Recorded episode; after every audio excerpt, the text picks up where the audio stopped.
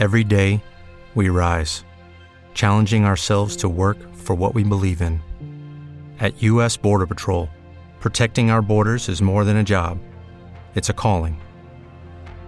Agents answer the call, working together to keep our country and communities safe. If you're ready for a new mission, join U.S. Border Patrol and go beyond. Learn more at cbp.gov/careers. Temple University is ranked among the top 50 public universities in the U.S. Through hands-on learning opportunities and world-class faculty, Temple students are prepared to soar in their careers. Schedule a campus tour today at admissions.temple.edu/visit.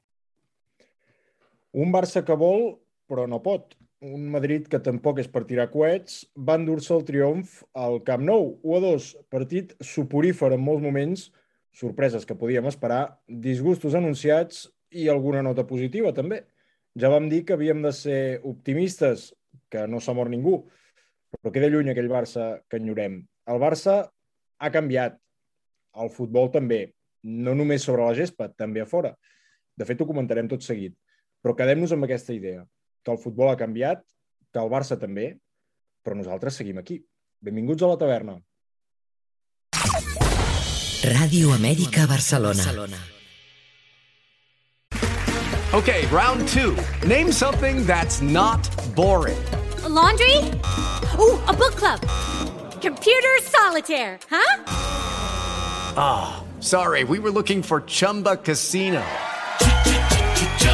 That's right. ChumbaCasino.com has over 100 casino style games. Join today and play for free for your chance to redeem some serious prizes.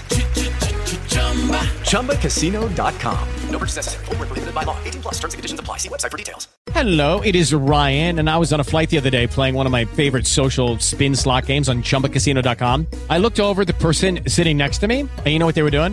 They were also playing Chumba Casino. Coincidence? I think not. Everybody's loving having fun with it. Chumba Casino is home to hundreds of casino style games that you can play for free anytime, anywhere, even at 30,000 feet. So sign up now at chumbacasino.com to claim your free welcome bonus. That's chumbacasino.com and live the Chumba life. No purchase necessary. VGW. Void were prohibited by law. See terms and conditions. 18 plus.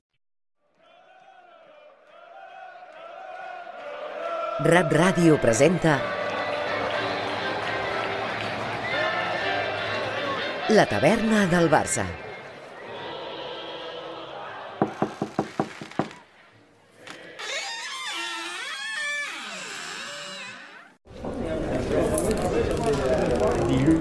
10 i 5 del vespre, com no podia ser d'altra manera, nosaltres estem aquí a la taverna del Barça, avui més que mai, eh, més després d'un clàssic eh, interessant, si més no per analitzar, almenys per a pessimistes, però com no podia ser d'altra manera també m'acompanya en aquesta nit de dilluns la Caral Àries. Molt bona nit.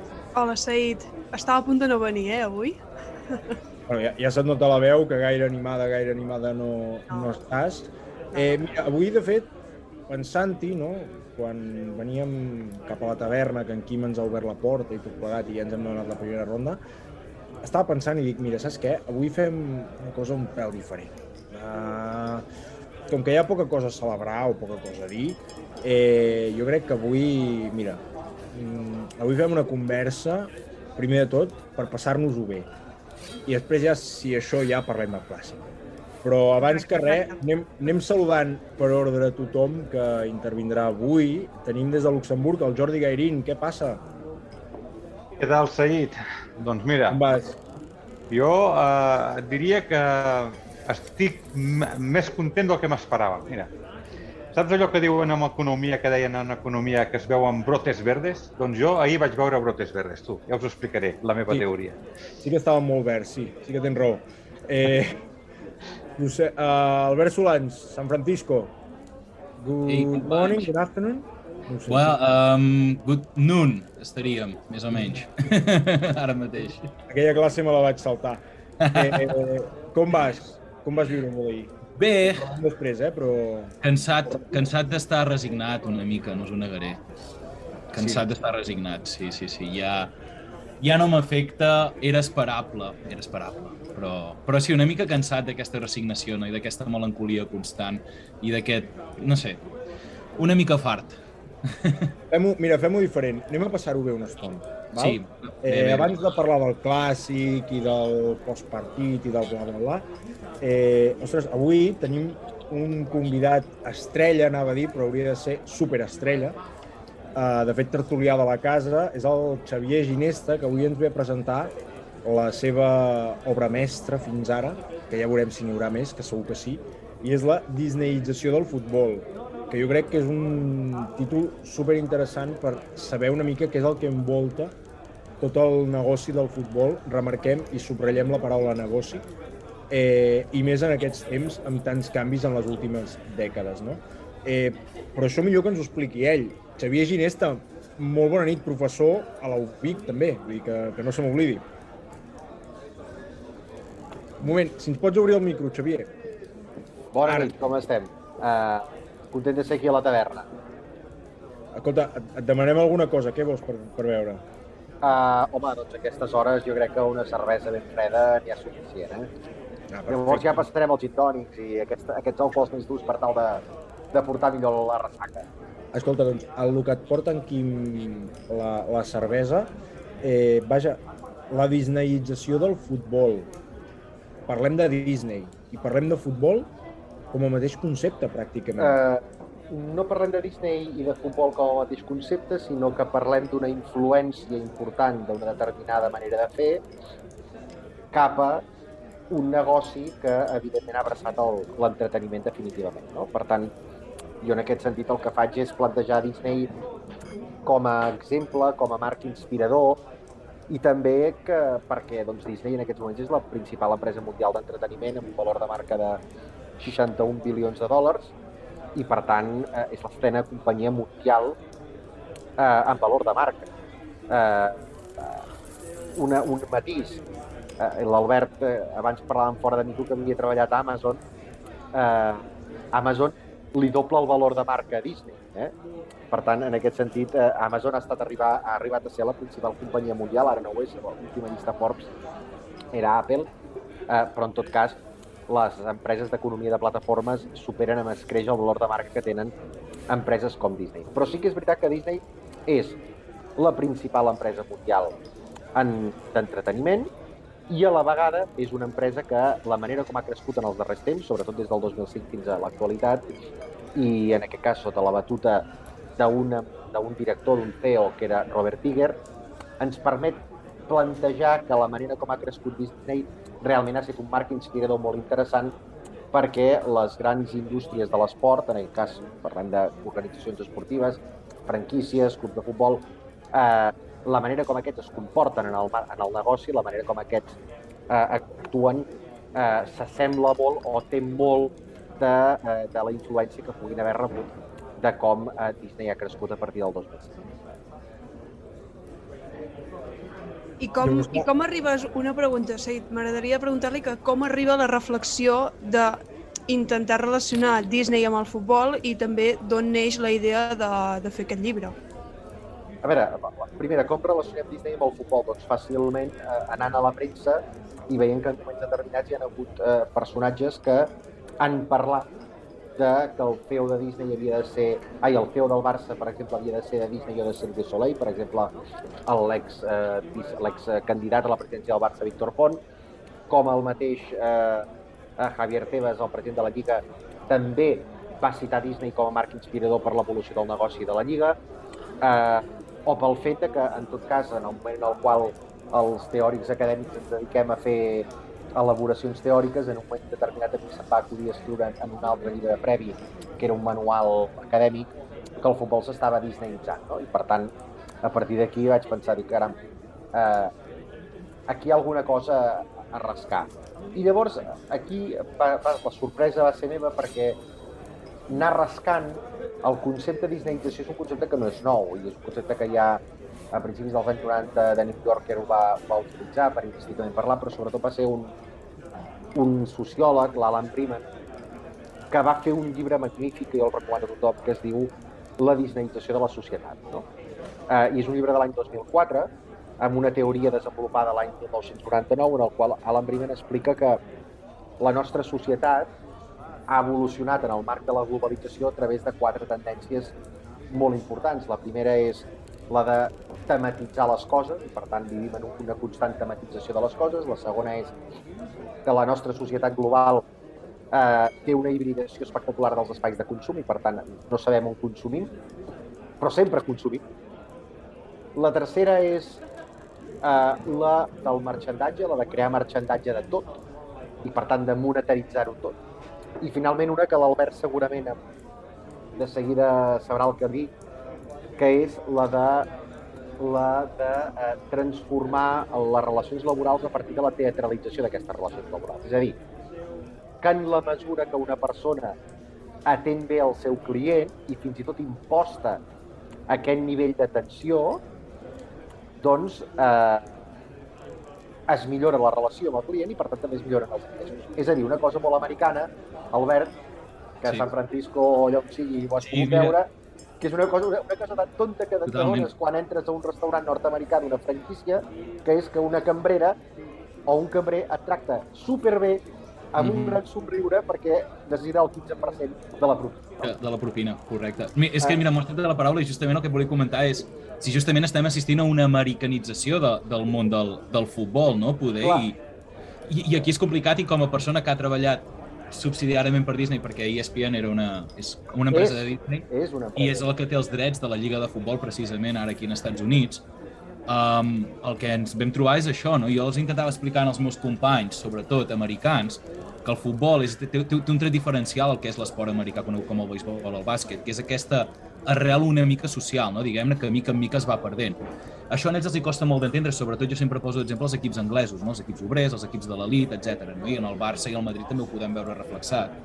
I per això sempre els deia que jo creia que això costaria de que tingués èxit en el món del futbol. Tu creus que, evidentment, això acabarà desapareixent, no? Ens menjarem i el futbol serà una, un, com un esport americà de l'NBA que dona igual si la franquícia està a San Francisco o se l'emporten a Sant Louis? A, a veure, la, la teoria del Briman és, és aquesta que et comentava abans. Ell ens deia que als anys 90 hi havia aquest procés en certa manera d'americanització, però ell no parla d'americanització, parla d'aquests quatre conceptes. Jo n'hi afegeixo quatre més, que són els que a partir del 2005 Robert Tiger ens, eh, diguéssim, ens, eh, ens ensenyen el marc com ha crescut Disney a partir del 2005 en l'entorn digital, no? que és la producció de contingut com a base del negoci, la maximització de la tecnologia, la maximització de la distribució i la potència de la marca global. Això encara ens sona més a model nord-americà, però sí que és veritat que és un model no tan nord-americà com aquest primer eh, concepte que tu ara comentaves vinculat a la teoria de Briman, sinó que aquests quatre conceptes són aplicables arreu mm. i són aplicables en qualsevol context, que jo crec que és la grandesa de la, de la, de, de la idea aquesta de la disneyització que jo parlo en el llibre. És a dir, no estic parlant d'una americanització de l'esport europeu, estic parlant de que el model del futbol de l'esport professional, la manera de gestionar-se, agafa molts tics que venen dels Estats Units, però al final eh, el que Disney ens ensenya és que aquestes grans constants en la gestió del negoci de l'entreteniment són aplicables a qualsevol mercat i, a més a més, en molts casos respectant inclús les idiosincràcies locals, perquè el propi Disney sap perfectament que inclús ha fet passos perquè la producció d'entreteniment s'adequi en el marc no només de valors locals, sinó també de les estructures productives locals. I, per tant, la utilització de plat de, de productores locals per poder fer pel·lícules Disney cada vegada s'està portant més a terme, etc. No? Per tant, en aquest sentit, no parlaria tant d'una americanització, sinó de que aquest concepte de disneyització ens interpel·la a una evolució d'aquesta globalització de l'esport i ens interpel·la sobretot a un procés en el qual hi ha una fusió entre entreteniment, esport, comunicació i sobretot que les constants del negoci al final són constants que ens serveixen per definir l'esport professional, la indústria del cinema, la indústria de la televisió, inclús la indústria de la ràdio o la de, posem per cas, la dels parcs temàtics. És a dir, són una sèrie de constants que des del meu punt de vista enmarquen tots aquests subsectors en el gran sector de l'entreteniment, que és en el que Disney ha excel·lit. No? Clar.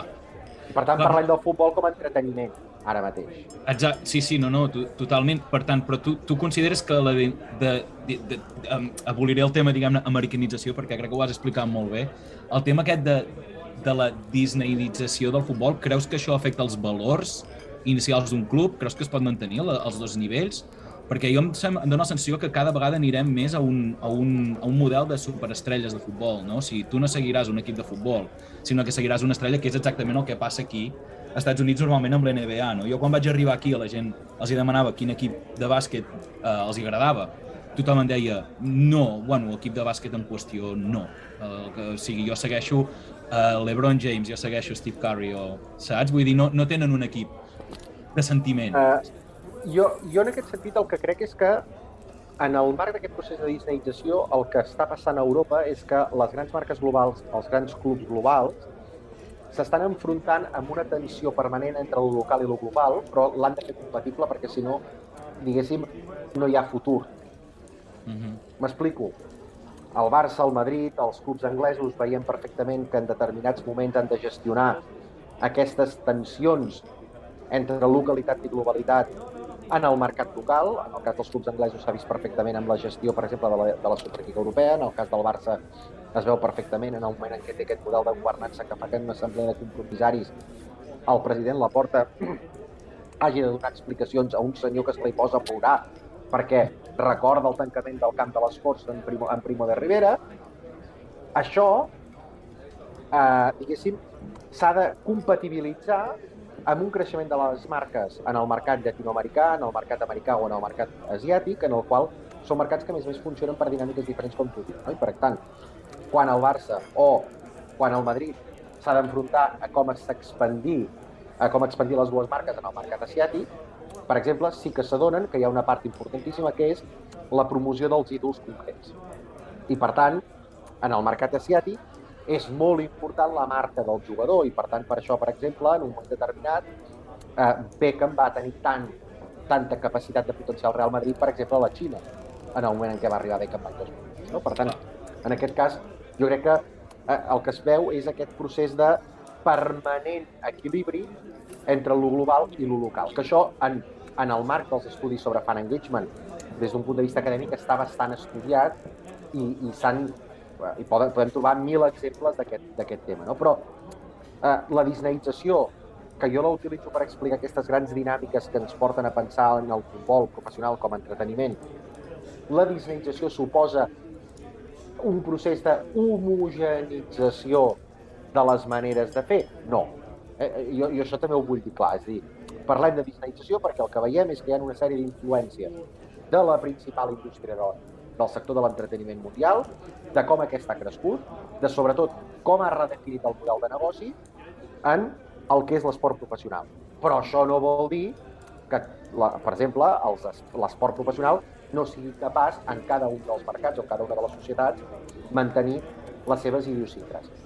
Ara bé, exemples d'aquesta visió transnacional de l'esport en el qual es fusionen cultures, es fusionen maneres de fer, es fusionen models de management. N'hi ha, sí, és a dir, el propi, el propi Glaser, també família nord-americana que va fer fortuna amb els Tampa Bay, eh, compra el Manchester United, s'ha d'enfrontar amb la revolta dels eh, seguidors a, a Manchester que li creen el United of Manchester en un moment determinat, darrerament s'ha hagut d'enfrontar amb la revolta dels aficionats que no li volien la Superliga Europea, però per contra, els Glaser, els dos germans Glaser, s'estan plantejant tenir una franquícia de críquet a la Índia, a la Lliga Professional de Críquet de la Índia, que és la més important del món. No? Per tant, en aquest sentit, aquí el que s'està veient és que Glaser, els Glaser, per exemple, no pensen des d'un punt de vista d'idiosincràsia local. O sigui, pensen des d'un punt de vista de el meu conglomerat empresarial què li pot donar més valor de mercat i segurament un club de la Premier League, principal lliga del món de futbol, amb una franquícia de la Indian Cricket League, la més important del món, possiblement, en el marc de la cultura anglo anglosaxona, li permetrà augmentar molt el volum de mercat i, sobretot, la capacitat de, de generar doncs, promocions creuades o promocions conjuntes doncs, de, de producte o, sobretot, de cerca de nous patrocinadors. Això no, exemple, eh? clar, però, però això no creus que posa en perill, diguem el model i el que és l'essència purament del futbol, no? una mica, que és l'esport? És a dir, quan tu, el teu equip el gestiona una empresa que només es basa en, en el negoci no? i no té poder aquesta relació emocional amb el club, no creus que això pot ser una mica perillós? No creus que podem tenir molts casos? Sé que hi ha hagut, per exemple, casos de Mèxic, no? de, de que, evidentment, per temes econòmics, doncs, per exemple, el Morelia ha desaparegut no? i se l'han endut a Mazatlán, coses d'aquest nivell, no? un, un país on el futbol el viuen tan, tan arrelat, no? o, un, o exemples com el Màlaga, no? és paradigmàtic a Espanya. No? no creus que això pot, pot sorgir i, i, i això com afecta també el tema de la Superliga? També això, No, això... clar, sí, sí que és veritat que en el moment en què veiem un procés de globalització de l'esport, veiem un cert procés d'homogenització i no només això, sinó que a més a més veiem una influència clara de models de management empresarial nord-americans a Europa i per tant això col·lisiona amb les cultures locals. Sí, però també és veritat que hem de partir de la base que l'estructura de l'esport professional a Europa és molt forta. Eh? És a dir, el propi arrelament territorial i el propi arrelament local fa que tampoc sigui tan fàcil treure un club de la seva ciutat de referència i emportar-se'l en un altre, en un altre territori. És a dir, al final, a Europa els clubs són ambaixadors de les seves ciutats. No ens en oblidem d'aquest paper que juguen els clubs com a ambaixadors d'un territori. Per això tenen nom de la Eh, ciutat i no nom per de, això, de correcte, mascota. per Diguem-ne, tenen el nom de la ciutat i no nom d'una mascota, per exemple, no? Llavors, a partir d'aquí, jo crec que a mi se'm fa difícil pensar que puguem arribar, perquè a més a més és un debat molt, molt, molt antic en el marc de la, de la sociologia de l'esport, puguem arribar a pensar que hi ha un procés d'americanització absoluta. Jo, jo no ho veig. Jo hi veig una certa homogenització, hi veig una certa voluntat d'utilitzar el mercat nord-americà com a benchmark per atraure o per treure idees de com millorar el negoci, però n'estic convençut que també els clubs europeus sempre faran la reflexió de que al final es deuen a unes lleialtats locals. No? És a dir, sí que és veritat que, per exemple, per posar un exemple molt, molt, molt proper, el nou escut del Girona és un escut molt similar a tots els escuts corporatius del grup. Del City Football Group, sí.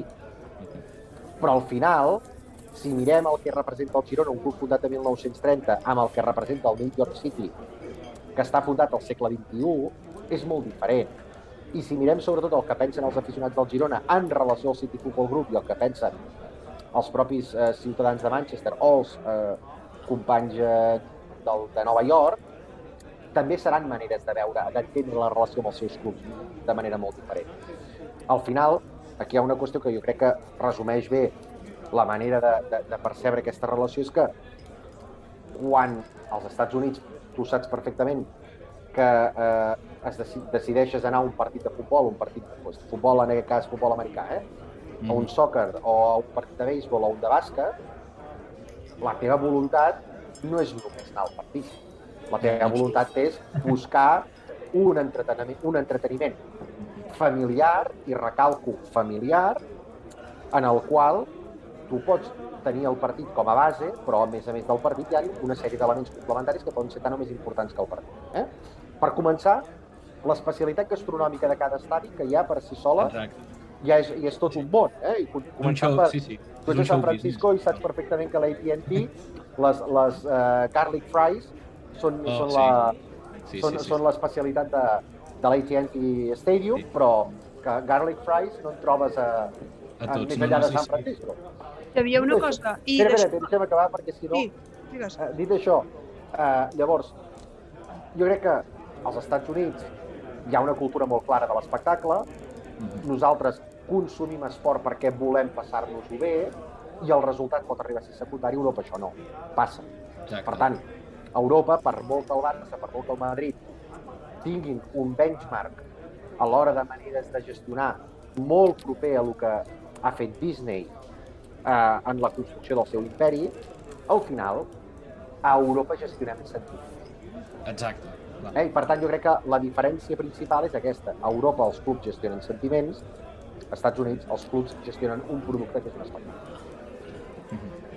No, és que la meva pregunta anava justament relacionada amb el que acabes de dir, que era que si la ciutat de Barcelona hauria d'aprofitar la marxa de Messi per convertir-se en un Disneyland París, perquè d'aquesta manera doncs, pugui haver-hi pugui ser com un atractiu turístic tant per la ciutat però també tant pel propi club del Barça, no?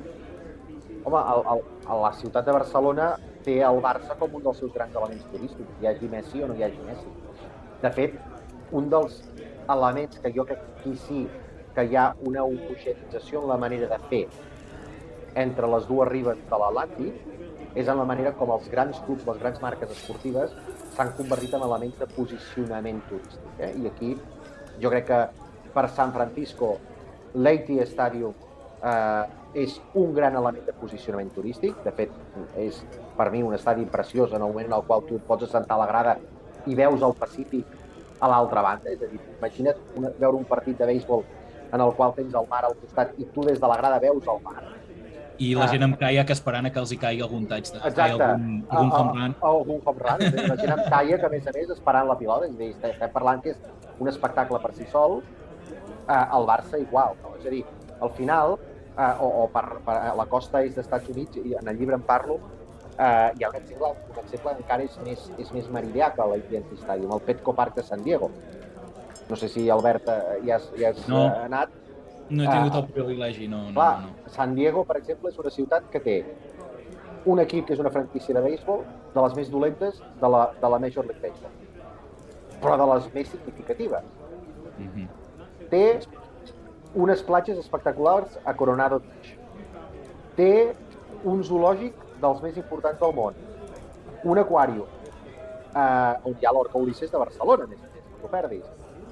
Eh, té, a més a més, un, un, una, uns memorials de la Segona Guerra Mundial impressionants. De fet, és la, és la seu de la Flota del Pacífic als Estats Units. bueno, el, el, en el moment en què la ciutat de San Diego estructura la seva oferta turística, els padres formen part d'aquesta estructura turística. I a la vegada, els padres saben que han de competir per ser millor oferta turística que les platges de Coronado Beach, que el zoològic o que l'aquari. En el cas de, de Barcelona, Barcelona té una oferta turística en el qual el Barça està més que integrat en aquesta oferta turística. I el nou Espai Barça, per exemple, si ens fixem, té tota una sèrie d'elements per encara potenciar més la integració en aquesta oferta turística. Per tant, el Barça, pel propi valor de marca que té, serà més, i, o sigui, pot atraure més o menys perquè tingui diria, el millor jugador del món, però com a tal, ja fa molt temps que està integrat en el, en el marc de l'oferta turística de Barcelona. Per dir-te una altra cosa, que jo crec que la ciutat de Barcelona ha passat de ser una ciutat olímpica a ser una ciutat del futbol. Eh, entre altres coses per l'efecte Messi, és a dir, la Barcelona del 92, que és la Barcelona que canvia de la ciutat eh, grisa a la ciutat blanca que diem, és una ciutat que, amb la mesura que ha passat el temps, ha passat a ser la gran ciutat del futbol, que és la ciutat que tenia Messi. Eh, acabo amb un exemple. Si nosaltres analitzem el motiu pel qual Rastar Group eh, compra eh, l'Espanyol, eh, Rastar Group compra l'Espanyol no només perquè és una bona oportunitat d'inversió, no només perquè és un històric de la Lliga, sinó que compra l'Espanyol perquè és el rival del Barça i perquè si jo compro l'Espanyol i estic a la mateixa ciutat que el Barça, tinc més opcions de generar fan engagement a l'acció. Per tant, fins i tot la potència de la marca Barcelona i la potència de la marca Barça són elements que influeixen en la decisió de compra d'un grup xinès, que és Raster, en el club que és l'opositor del Barça. Per tant, imaginem-nos fins a quin punt la marca Barcelona i la marca Barça van juntes en el que és el posicionament de la, de la ciutat. Xavier, abans de continuar, és que ja t'has acabat la birra, veig. Eh, Sí, sí, veig que ja tothom... Necessito una segona ronda, però ja, ja la vull de guanyar. Eh? Escolta'm, doncs, demanem una altra ronda i tornem en un moment? Va, vinga. Vinga, va. Quim, una altra ronda, sisplau. Estàs escoltant Rap Ràdio. Ràdio Amèrica Barcelona.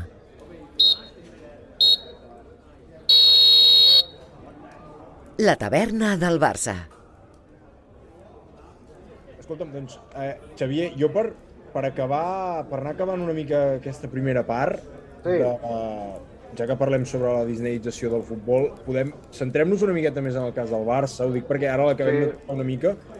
Fins a quin punt eh, l'espai Barça és la consumació de, de, de tota aquesta teoria de, de la Eh, Disneyització. eh, bueno, no només l'Espai Barça, l'Espai Barça i Barça Studios, són les dues consumacions. Les dues, i a més, també jo crec que hi ha una cosa molt interessant, i allò que comentaves de les tensions local i internacional, que crec que és com l'espai comú és precisament aquest espai Barça. Sí, sí, sí. sí. Vull dir, una mica... sigui, l'espai- Barça hi conflueix el més local i el més global. Sí, Exacte. senyor. Exacte. Per tant, per entendre'ns, vull dir, seria com la joia de la corona de tot aquest plantejament que estem fent una mica, però portat cap a casa nostra. Uh, per, per mi és, és l'exemple més meridià, però és l'espai Barça i és uh, l'estadi del Tottenham Hotspurs o és l'estadi del Manchester City o és el nou Santiago Bernabéu. És a dir, per mi, el que és l'entronització de la disneyització del futbol o de la disneyització de l'esport, per mi són els estadis. Jo sóc un enamorat dels estadis. I, de fet, el concepte de disneyització del, del futbol em neix, mira, m'ho he descuidat, però també és una altra cosa, a mi em neix visitant el Lincoln Financial Field. Primer de la mà, primer capítol del llibre, de la mà d'un tio de Roses, Correcte. Correcte. en Norman Foix. T'anava a dir, perquè jo no sóc de Roses, jo sóc de Figueres, que queda una mica al costat. Ja, ja.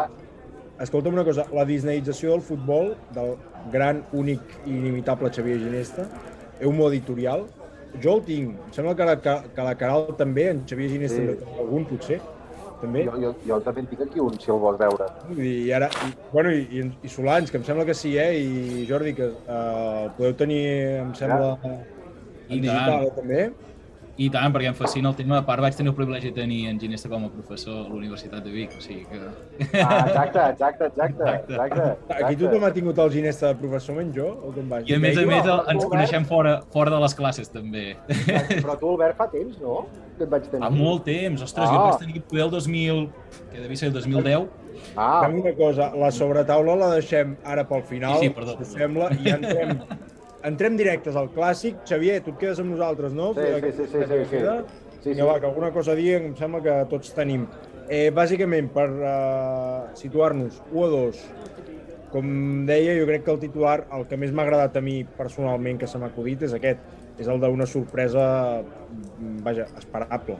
Uh, jo crec que en aquest sentit podíem ser uh, pessimistes, però ostres, quan et trobes davant un Madrid que no és que estigui per tirar coets, al final una derrota per 1 a 2 eh, t'acaba mm, deixant amb aquest regust amarg, no? De, del fins i tot, ostres, que és un clàssic. Abans en Jordi m'ho deia, no? Diu, ostres, és que hem guanyat el 2 de 3 important, però, carai, contra aquest Madrid, realment havíem de perdre contra aquest Madrid? Aquesta és la pregunta que us vull. Jo vull escoltar el Gairín, aviam què, què ha dit que ha vist brots verds. Va, Poli Gairi. Home, a, a, a veure, la meva teoria, eh? La meva teoria és que l'any passat com estàvem a aquestes alçades? Estàvem gaire millor? No. No. De fet, I- et diria que pitjor, poder, Jordi. Doncs és que jo també crec que estàvem pitjor. I què va passar? Varen guanyar la Copa del Rei i varen perdre la Lliga perquè no sé què coi va passar contra el Granada, que no sé què els hi va passar, que van perdre la Lliga. Si no, aquell partit el guanyem, eh, eren campions de Lliga. És a dir, que tan malament com, com estem, que, no, que tot és un desastre, i estem millor que l'any passat, jo crec que, que jo veig brots verds. Ahir, ahir fins i tot vaig veure el Coutinho, que dic, ostres tu, el Coutinho, sembla que s'ha refet aquest home. No, és Perquè la, va- la, la sortida de la Coutinho va, va, part revolucionar una mica l'equip, eh? Exacte. Eh, jo, jo, jo estic d'acord amb tu, Jordi, en què es poden veure alguns brots verds. Eh, i, i, I alguns, eh? Que és, una, que sembla ser que Koeman ha abandonat pels partits importants el 3-5-2. Mhm. I per tant, amb el 4-3-3, el Barça, si més no, sap a què juga a futbol. Fa un joc més avorrit, fa un joc més eh, menys eh, elaborat que en el temps, però amb un 4-3-3 el Barça és reconeixible. O hi ha alguns jugadors que són reconeixibles. Sergi Busquets, que va ser el millor Exacte. sense cap mena de dubte. Això un. Dos, home, que un equip que és capaç de posar 8 tios fets a casa en el, en el primer equip eh, no ens puguem plantejar que és un equip que es pot recuperar i que per tant pot treure l'amor propi, també fa, em fa plantejar que amb 8 tios de, de casa a l'equip has de treure l'amor propi. És a dir, si més no era un orgull, tenir vuit tios en el teu equip de casa i en l'altre només haver-hi un espanyol sobre la gespa. És a dir, això a mi em va, em va agradar. I el tercer, jo crec molt en aquests joves i crec molt amb el fet de que són nanos que alguns d'ells estan tocats per una vareta màgica. Perquè tant el Gavi com l'Ansu Fati em va agradar molt la reflexió de Valdano quan comentava la diferència entre Vinicius Júnior i, i Ansu Fati. I deia, Vinicius Júnior ha entès que havia de treballar per ser el millor. Ansu Fati lo lleva de ser. Llavors, sí, sí, sí, a, a partir d'aquí, aquests brots verds a mi em fan estar mínimament esperançat. A mi el que no m'agrada, i em sap molt greu reconèixer-ho, és la, la, els plantejaments porucs de l'entrenador i sobretot determinades decisions que t'acaben fent avorrir el futbol, que és que a l'hora de, de remuntar, al final sembla que no hàgim evolucionat des de quan hi havia l'Alessandro com a davanter centre, no? Però, eh, més enllà d'això, sí, estic d'acord amb tu, Jordi, que hi ha uns determinats brots verds, malgrat que jo intento convèncer que hi són, eh? Exacte. Jo... Xavier, per, per, perdona, perdona, Albert, m'ha agradat no, el comentari, el comentari que has fet de l'Àlex Sanko, perquè tenia la sensació que d'aquest grup que estem aquí, l'únic que se'n recordava de l'Àlex Sanko i tal, era jo. Ah, la, Caral ja ja la Caral ja t'asseguro que no. I jo tampoc, eh? No. I l'Albert... jo, de fet, et diré, jo, jo tinc unes fotografies que són les, les úniques fotografies del Diego Armando Maradona, acompanyat per l'Àlex Sanko, a Figueres i a Cistella. Mira què et dic. Ja les van publicar. Però bueno, en fi. Solans, escolta'm una cosa, ja. com ho vas veure tu això? Um, a mi em va agradar molt, he de reconèixer, em va agradar moltíssim el, el... Em va agradar i em va indignar alhora. I, I us explicaré per què. Em va agradar molt la primera part. Em va agradar moltíssim veure la pressió alta, no? això que sempre havíem reclamat. Però llavors es va culminar una evidència, que és que dues coses. Aquest equip no té físic, que és una cosa que sóc molt pesat i perdoneu, però és que cada tertúlia ho he de dir, ho sento.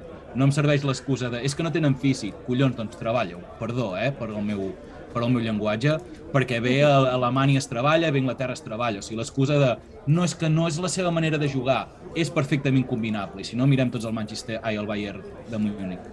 És perfecte combinable amb l'estil, amb tenir un físic prodigiós. Primer de tot això, és un equip que no té cames i és un equip que no està treballat i això em molesta sobremanera. Em molesta sobremanera que ens activem perquè em recorda una mica el que fa l'Espanyol quan juga contra el Barça, no? Només anirem a jugar bé i a jugar com cal quan juguem contra el Barça. Doncs a mi el Barça em va donar aquesta sensació una mica de va, anirem a fer la pressió i a jugar com nosaltres sabem perquè és el Madrid fins que se'ns acabin les energies, que és el que va passar, no? A mi això em va molestar molt. Em va molestar molt perquè vaig sentir, crec que va ser, no sé quin periodista va ser, no? parlant que, que, que havia parlat amb un jugador del Barça després de l'entrenament del divendres o del dissabte i que li havien dit que estaven rebentats perquè havien treballat moltíssim la pressió alta. Punyetes, per què no ho treballes, tio, que portes un any i mig entrenant al Barça? És que no ho entenc. És que no ho entenc perquè només el treballes el dia abans de jugar contra el Madrid, quan saps que és l'ABC de jugar el Barça. És, i, i, I el Barça va aconseguir afogar el Madrid Evidentment, el Madrid té un talent individual espectacular i això es va notar, i el Barça és un equip dèbil i poc treballat. Però veig el brot verd que diuen, que diuen en Jordi i en, i en Xavi, evidentíssimament, crec que m'agrada molt. El que em molesta és perquè això no és aplicable en el temps, perquè això no s'allarga en el temps. És que aquí, Jordi, Albert, perdona, és aquest, aquest, això és el que realment jo crec que acaba molestant a la gent. És a dir, Exacte. el que molesta la gent és que Koeman eh, sigui un poruc tàcticament, que Koeman no apliqui les mateixes directrius en tots els partits, que el Barça en determinats moments sigui reconeixible però en altres moments s'esborri, i per mm. tant aquesta, aquesta manca, aquesta imprevisibilitat en el joc, Falta en el qual... No... Com? Falta de consistència. Clar, eh, això jo crec que, jo crec que molesta molt i, i, i sobretot amb el fet de que el barcelonisme, si més no des de principis dels anys 2000, està acostumat a veure el Barça jugar d'una determinada manera. I, evidentment, per herència de Cruyff. Però, sobretot, en els darrers anys, eh, hem vist un Barça reconeixible permanentment. No? I, I en el moment en què el, el Barça perd la seva essència, sigui amb Koeman, sigui amb Martino, eh, sigui eh, amb, amb, amb, amb, amb Valverde, això ha generat molt, molta, molta frustració en la, en, en la colorada. Perquè... Sí, sí, eh, evidentíssimament, però perquè també jo crec que el problema és que um, ens hem quedat amb la nostàlgia, no?, una mica, i jo crec que el, el sistema que, com tu bé dius, el, el famós cruyffisme, no?, que Guardiola va portar a la maestria, ara ja té enemics, ja té sistemes que el poden jugar cara a cara i guanyar-lo. El tema no és... Jo ja ni tan sols demano tornar al passat, jo demano evolucionar aquest sistema.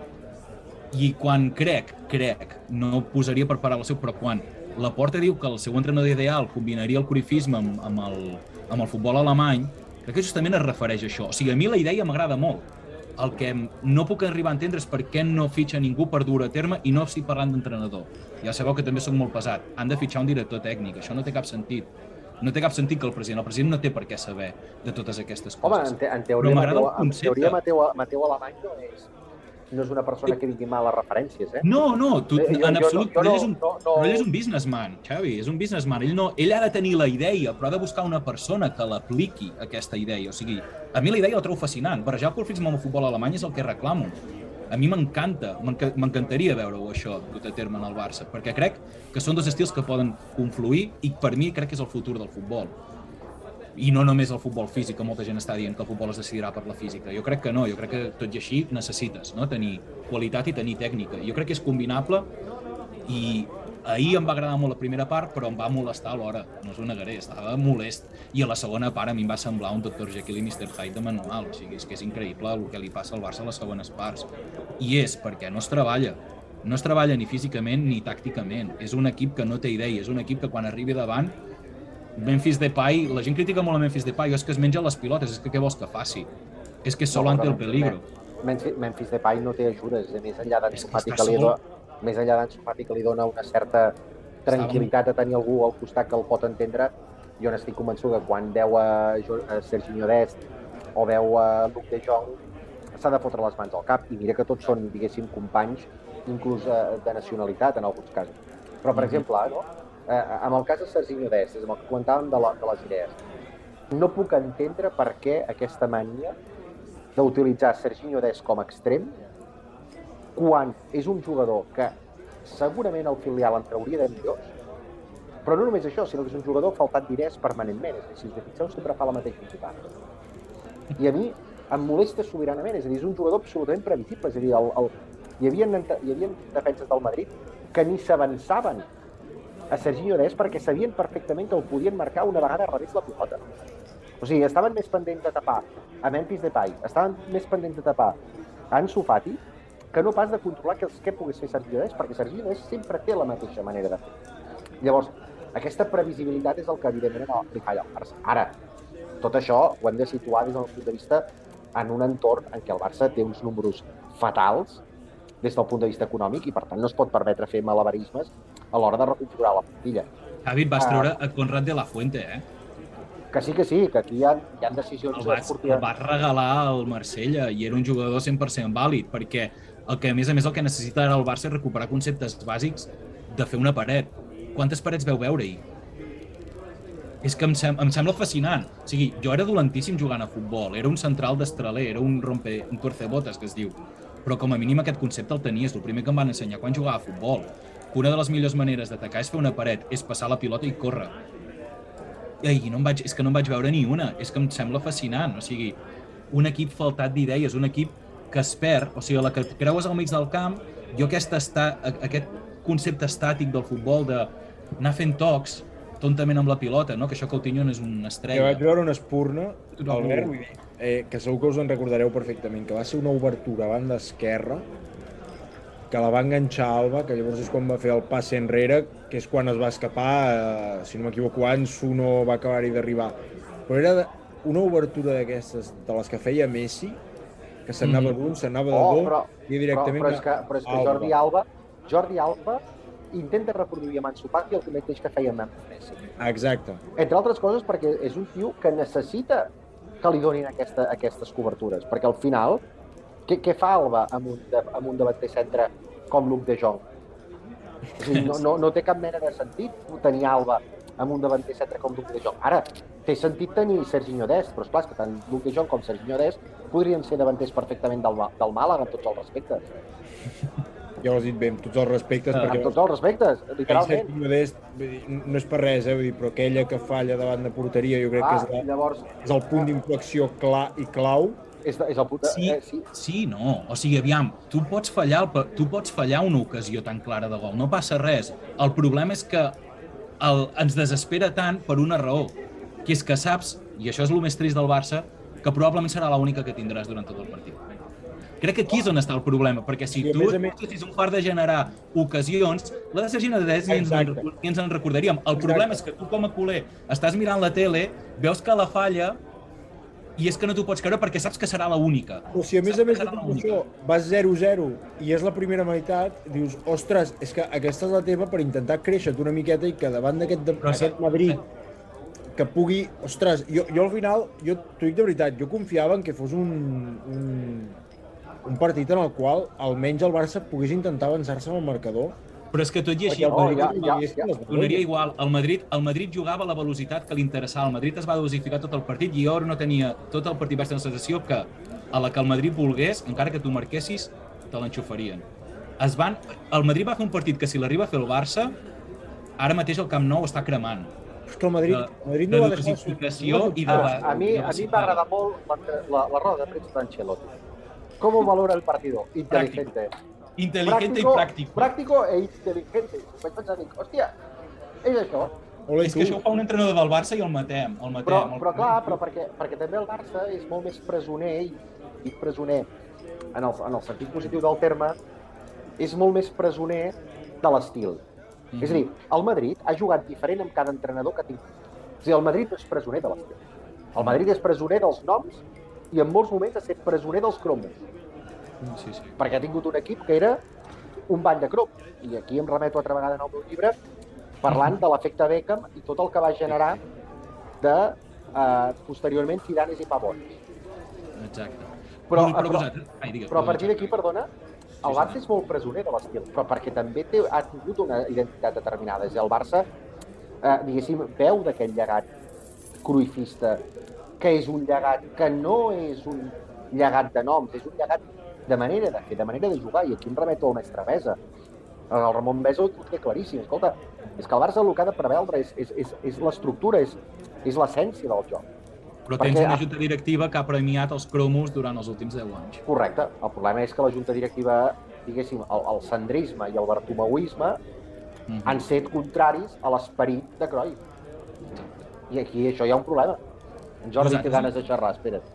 Ah, Sí, sí, no, no. Uh, jo, jo, jo anava, ana- anava a dir això, que el problema són el Sandro i ara em direu que sóc agosarat, eh? I això és una altra teoria de meva d'aquestes conspirata conspiratoi, Ah, foli, eh, foli, conspiratives. Ah, és, és això que et passa foto, eh? quan vius a Luxemburg, eh? Sí. Això, això, teories Està fugint de la justícia, en Gairin, també. el, el, el problema ve d'haver trencat la relació amb, el, eh, amb Qatar Foundation. Aquí, a partir d'aquí, va ser com van començar a venir els, els, els mals. Vam trencar la relació amb Qatar, els, els del PSG es van emprenyar, ens van fitxar el Neymar, fitxant el Neymar, tota de capa caiguda. Començar a, a fitxar Coutinhos, a fitxar Però no creus que el problema hagués sigut haver Ah, no, no. anat en No. Qatar primer de tot? No, no, clar, no, no, a veure, aquí estic d'acord. El problema és haver-nos ficat amb Qatar Foundation. No, no, això està claríssim. Ah, no, no, sí, No, però ha anat un pas més enllà del, del que jo pensava. Jo sempre havia dit que el dia dels nostres mals va arribar el dia que el, el Paris Saint-Germain va arribar aquí amb 220. No, estic, amb això estic No, amb no, en no, Jordi. no, no, no, jo crec que el dia que trenques els teus valors, perquè ets més El, el, confús, el, el, el, gran, el, el dia que comença la decadència és el dia que tu substitueixes UNICEF per Mhm. Qatar Foundation. Clar, sí, sí, allà totalment d'acord. Allà tu et vens els designis d'un determinat emirat que té una, una, una determinada manera d'entendre el futbol o l'esport en general, que és l'utilització de l'esport pels interessos polítics. Correcte. Per poder blanquejar-se, sí, sí. Per blanquejar-se políticament, però sobretot per una qüestió, per justificar l'obtenció del Mundial del 2022. No us n'oblideu que Qatar compra el Mundial del 22, el compra literalment, a base de suborns encoberts a les federacions internacionals. És a dir, Qatar s'aprofita de l'ecosistema futbolístic en el qual hi ha dos terços, ah, perdó, tres quartes parts de federacions mundials que depenen dels ingressos directes de la FIFA, dels 250.000 eh, milions de eh, dòlars que reben anualment cada una d'aquestes federacions, per tal de poder mm, utilitzar diners de l'Emirat per tal de pagar urbi et orbi el que li passa pel nas. O sigui, Bueno, bueno, i- eh, estem parlant que inclús van pagar per un, per un dinar, de, això ho he llegit en els papers del Sunday Times, que són espectaculars, van pagar per un dinar durant el Mundial de, de, de Sud-àfrica. Un dinar organitzat pel fill del president de la Federació Nigeriana de Futbol, que era un dinar de llegendes del futbol africà, van pagar 1,8 milions de dòlars. Vaya Què dius? Eh? Un superet més ben parit que es van 1,8 fotre, milions eh? de dòlars. Està publicat al Sunday Times. Ja Sisplau. podies pagar això. Eh? Quin superet, eh? Més ben parit que es van Home, fotre. allà. va, us, us, o sigui, el sopar com a tal, la factura és de 225.000 225 eh, sí, sí, Mil 225.000 eh, dòlars. Vale? 225.000 dòlars. El sopar, la factura del sopar. O sigui, i, i em van pagar 1,8 milions.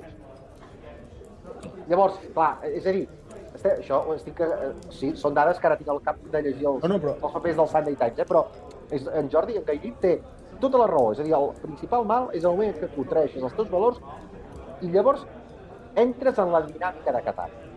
I quan has entrat en la dinàmica de Qatar, aquí ja no saps què pot passar. No, I no saps com pot sortir perquè mirem, perquè, per exemple, i ara em sap molt greu dir això, però crec que ningú en parla i crec que també és interessant saber-ho. A mi el fet de que Xavi, Xavi Hernández i totes aquestes llegendes del barcelonisme es dediquin a blanquejar una mica, a mi em sap greu. És opinió personal meva, eh? No, no, tothom no. pot respectar A mi- i tothom pot dir que no, mi que és normal, però a mi sortir Xavi Hernández i dir sé que és una dictadura però es viu molt bé, no sé, a mi aquestes coses... Albert, no tinc temps per respondre't. O sigui, no tinc temps. Sap greu, caral, No tinc temps. greu pel teu estimat, però però es va, és el que diu en, en Ginesta aquí, jo crec que la que tu et vens al diable mai saps com en pot sortir, ni com en sortiràs, ni els seus tentacles fins on arribaran. I recordem que el que ja seria el xista més gran és que si Pochettino no funciona, que el Paris Saint-Germain et fitxi a Xavi, perquè això és una cosa que plana perquè la relació és molt bona. Aquí ho Oh, deixo clar, anar. i, i, Aquí ho deixo anar. Sí, no, no, i evidentment que llavors pots trobar que eh, Paris Saint-Germain et pot fitxar Xavi, també ara estan dient que milloran les relacions amb Jan Laporta. El que sí que està clar és que Jan Laporta, i tinc la sensació que va començar un mandat del 2003 molt complicat, però atenció, jo crec que aquest mandat serà molt més complicat que el del 2003. Eh? I tant, i tant, i tant, i tant. Clar, perquè el context no acompanya, tampoc, jo crec. No, el context, el context no l'acompanya gens, i llavors aquí hi ha tota una sèrie de, de qüestions molt complicades. Um, cavallers, senyoreta, si no m'equivoco ja hauríem d'anar tancant barraca per avui. Mm, si us sembla, us aniré acomiadant un per un i m'agradaria que abans... No em però- demanis una porra, eh, Said? No em No. tornis a demanar una porra No, mai més. no, no, no. Avui no fem porra, avui fem Ja... un, re, un breu titular de com estem i de com volem estar. Llavors, eh, Xavier Ginesta, ha estat un autèntic gust, un plaer comptar amb tu. I Moltes gràcies. Podem escoltar, Ara. podem veure algun dia d'aquests. No, encantat de que ens puguem veure. Ara estava mirant que abans de, dels diners que paga la FIFA a les federacions, que dit 250.000 milions, no, 250.000 dòlars per federació, eh? En tot cas, eh, són, són, són xifres... És que ara tenia els papers aquí perquè els estic, els estic llegint aquests dies per altres coses i per agafar-te aquest exemple, però abans li he cardat uns quants zeros de més, però això ja deuen ser les hores. I les cerveses que m'estàs posant, que, Ara, ara. Ara eh, sí, em sembla, em sembla que ens toca anar marxant. Us vaig acomiadant un. Bàsicament amb això. Xavier Ginesta, un gust. Albert Solans, fins sempre. Adéu, companys. Adéu. Jordi Adéu, Gairín, una abraçada molt forta. Una abraçada a tots i a totes. Caral Àries, que vagi S'ha molt avui, avui no he parlat, però és perquè he hagut de veure molt, perquè ho he hagut de suportar així, eh? Que sigui lleu. Que vagi bé. Moltíssimes gràcies i això ha estat la taverna del Barça. Fins aviat. La taverna del Barça. With Lucky Land slots, you can get lucky just about anywhere. Dearly beloved, we are gathered here today to. Has anyone seen the bride and groom? Sorry, sorry, we're here. We were getting lucky in the limo and we lost track of time. No, Lucky Land Casino, with cash prizes that add up quicker than a guest registry. In that case, I pronounce you lucky. Play for free at LuckyLandSlots.com. Daily bonuses are waiting. No purchase necessary. Void where prohibited by law. 18 plus. Terms and conditions apply. See website for details.